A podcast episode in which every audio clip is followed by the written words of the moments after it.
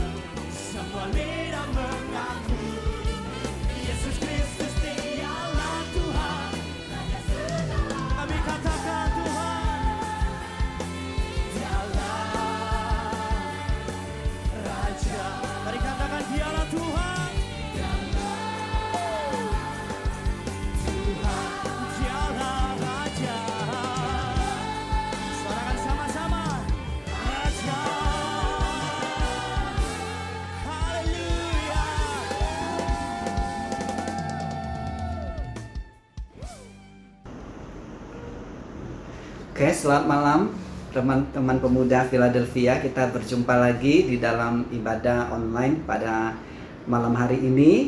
Ya, kita terus doakan untuk kota kita Singkawang supaya ya aman-aman saja dan kita doakan supaya masyarakat tetap bisa mengikuti protokol kesehatan dengan ketat ya supaya tidak semakin parah. Nah, mari sebelum kita mendengarkan firman Tuhan, saya mengajak kita bersama-sama berdoa terlebih dahulu.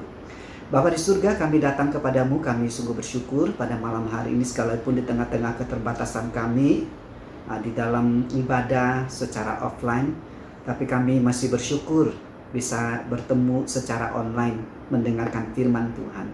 Saat ini kami mau belajar tentang iman yang nyata. Kiranya Tuhan sendiri yang boleh menolong kami mengerti, memahami kebenaran firman itu sehingga firman itu bisa kami terapkan di dalam kehidupan kami saat ini. Di dalam nama Tuhan Yesus kami berdoa. Amin. Nah, teman-teman, pada malam hari ini kita akan berbicara tentang satu tema yang bagus yaitu iman yang nyata. Nah, kalau kita bicara tentang iman yang nyata, teman-teman jangan salah paham Iman yang nyata di sini bukan dalam arti saya beriman, lalu karena saya beriman lalu nyata. Bukan begitu ya. Misalnya saya beriman, saya tidak kena COVID-19. Wah, berarti saya akan hidup aman-aman tidak kena COVID-19.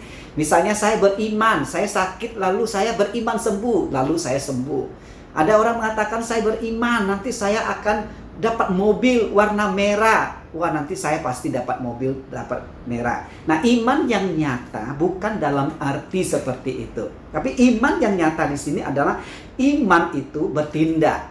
Ada tindakan nyatanya. Jadi kalau ini kita berbicara dari sisi manusianya. Jadi kalau saya mengatakan saya beriman kepada Tuhan yang tidak kelihatan, berarti ada sesuatu yang nyata yang membuktikan saya beriman kepada Tuhan yang tidak kelihatan itu. Ah, itu maksudnya ya. Jadi iman yang nyata di sini jangan salah paham. Jangan berpikir bahwa kita beriman langsung nyata. Kenapa? Karena di dalam Alkitab banyak contoh misalnya Rasul Paulus dia beriman, percaya kepada Tuhan, sangat beriman. Tapi ketika dia minta dia disembuhkan dari duri dalam daging, ah, dia nggak nggak dapat kesembuhan.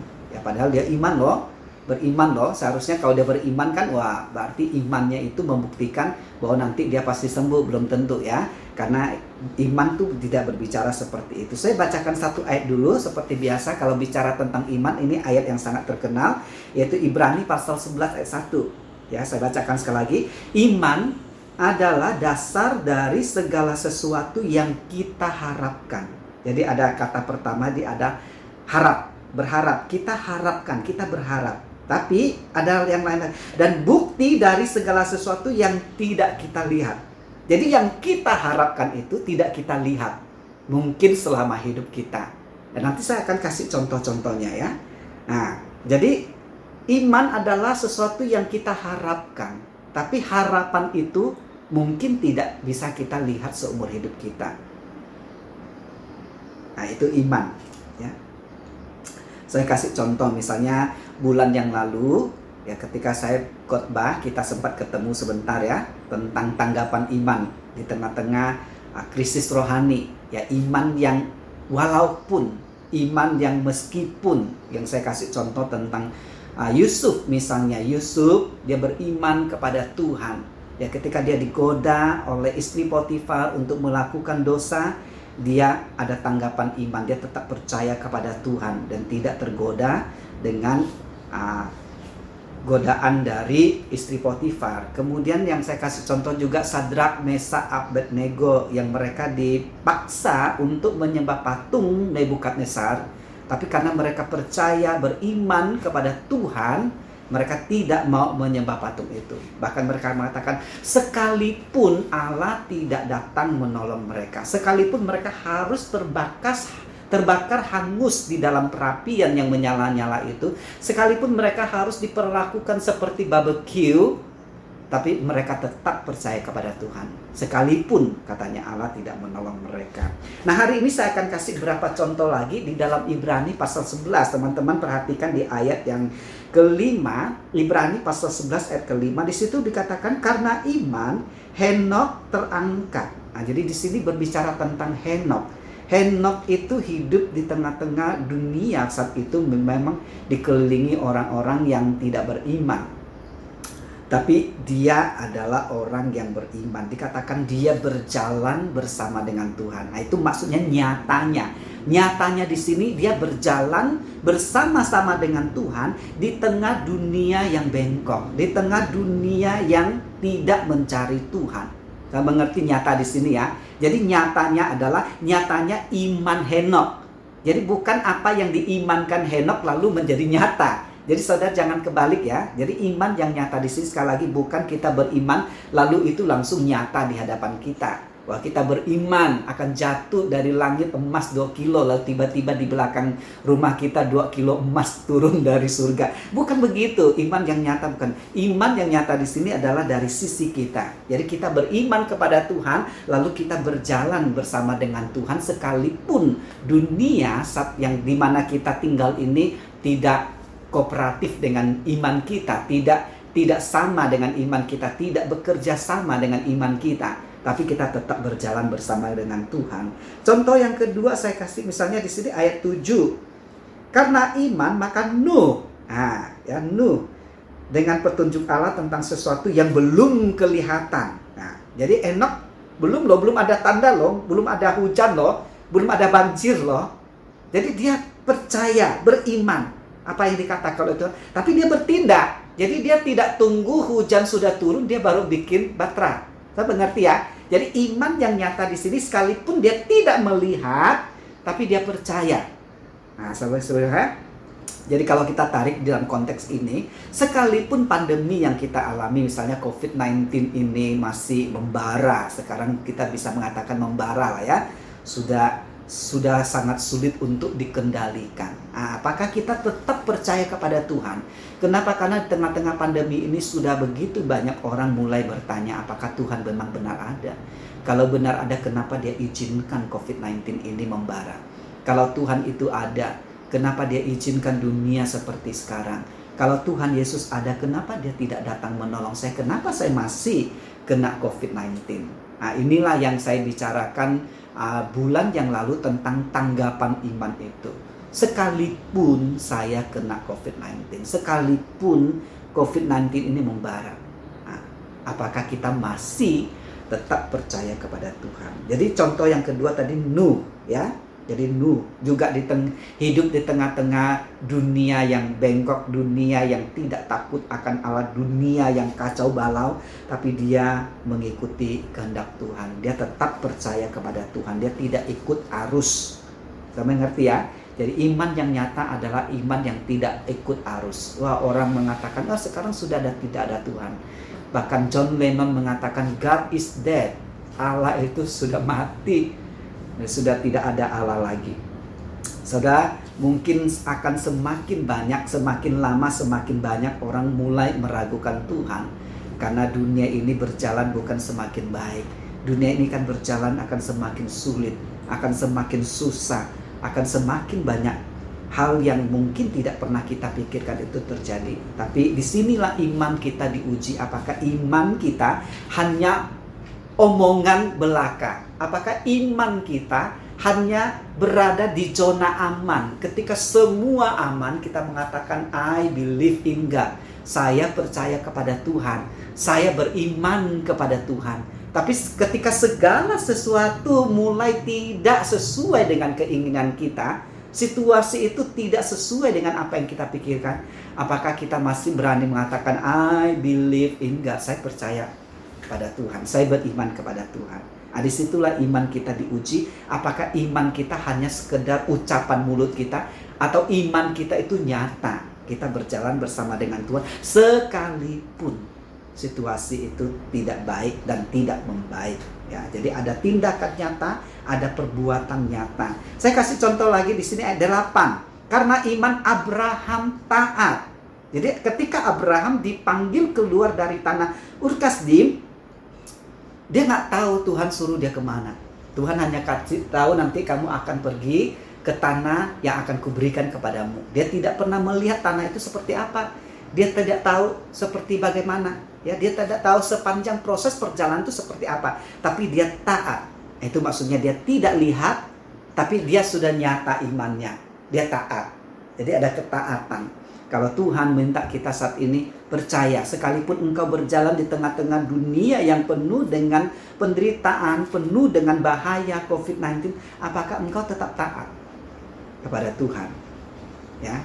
Jadi teman-teman di sini jadi iman yang nyata adalah iman yang bertindak. Jadi Abraham tidak tahu tempat seperti apa dia pergi, tapi ketika Tuhan memanggil dia, nah, Tuhan karuniakan iman kepadanya, lalu dia taat bertindak. Itu maksudnya iman yang nyata.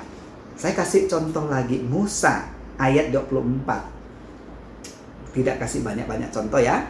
Nah, Musa ayat 24 karena iman maka Musa setelah dewasa menolak disebut anak putri Firaun karena ia lebih suka menderita sengsara dengan umat Allah daripada untuk sementara menikmati kesenangan dari dosa. Nah, jadi Musa ketika dia dipanggil untuk menjadi pemimpin yang membawa Israel keluar dari tanah Mesir pada waktu itu yang sedang dijajah, sedang dijadikan budak di Mesir oleh Firaun, dia lebih memilih. Jadi ada pilihan di sini.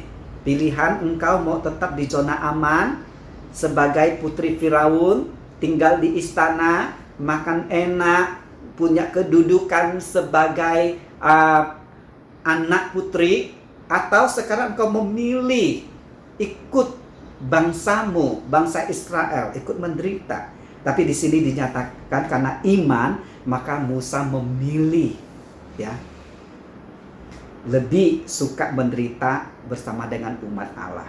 Jadi ada pilihan. Jadi iman ini sering kali memperhadapkan kita pada suatu pilihan. Apakah kita tetap memilih percaya kepada Tuhan atau kita memilih ah sudah mulai apatis, sudah mulai ragu. Ah, pelan-pelan kita jauh dari Tuhan. Ya, bisa juga ya ada orang-orang Kristen seperti itu. Saya tidak mengatakan nanti dia tidak beriman lagi, tapi di dalam perjalanan iman sering kali terjadi seperti itu sampai satu titik mungkin Tuhan panggil dia kembali. Dan kesimpulannya di Ibrani pasal 11 ayat 39 sampai 40 saya bacakan. Dan mereka semua tidak memperoleh apa yang dijanjikan itu. Nah, teman-teman di sini ya. Jadi iman yang dinyata di sini bukan saya beriman langsung nyata. Langsung terjadi. Wah, saya beriman nih Covid ini akan begini, akan begini. Pasti. Enggak. Ya. Tuhan berjanji akan menyertai kita di tengah-tengah kesulitan, penderitaan, masalah, pergumulan yang kita hadapi. Ya, tapi sering kali janjinya itu mungkin seumur hidup kita kita tidak melihatnya. Bahkan Musa tidak masuk ke dalam tanah perjanjian, ya kan dia tidak melihatnya langsung, tapi dia pergi ke tempat yang lebih baik seperti yang dikatakan di ayat 40. Saya bacakan sekali lagi ayat 39 dan mereka semua tidak memperoleh apa yang dijanjikan itu sekalipun iman mereka telah memberikan kepada mereka suatu kesaksian yang baik. Sebab apa? Sebab Allah telah menyediakan sesuatu yang lebih baik bagi kita tanpa kita mereka tidak dapat sampai kepada kesempurnaan. Jadi teman-teman saya lihat ya. Jadi sering kali apa yang kita imankan itu tidak kita lihat, tapi Allah telah menyediakan sesuatu yang jauh lebih baik.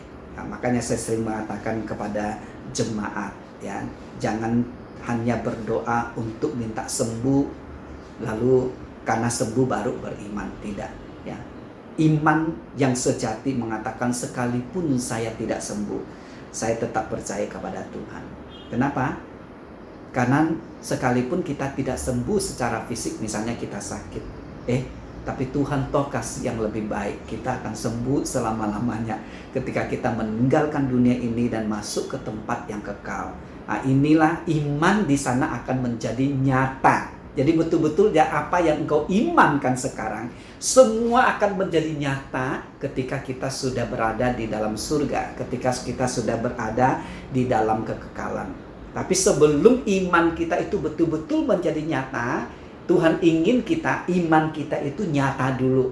Yaitu nyatanya adalah kita tetap percaya kepada dia sekalipun hidup tidak berjalan sesuai dengan apa yang kita inginkan. Mari kita berdoa. Bapak di surga, terima kasih saat ini.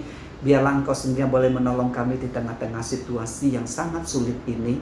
Biarlah Tuhan tetap mengaruniakan kami iman yang sekalipun hidup susah, sekalipun tidak sesuai dengan keinginan kami, sekalipun bahkan nyawa kami akan terancam dan mati, kami tetap percaya kepada Tuhan. Terima kasih Bapak, biarlah iman kami tidak sekedar hanya di mulut kami, tapi boleh nyata di dalam perjalanan kami. Di dalam nama Tuhan Yesus kami berdoa.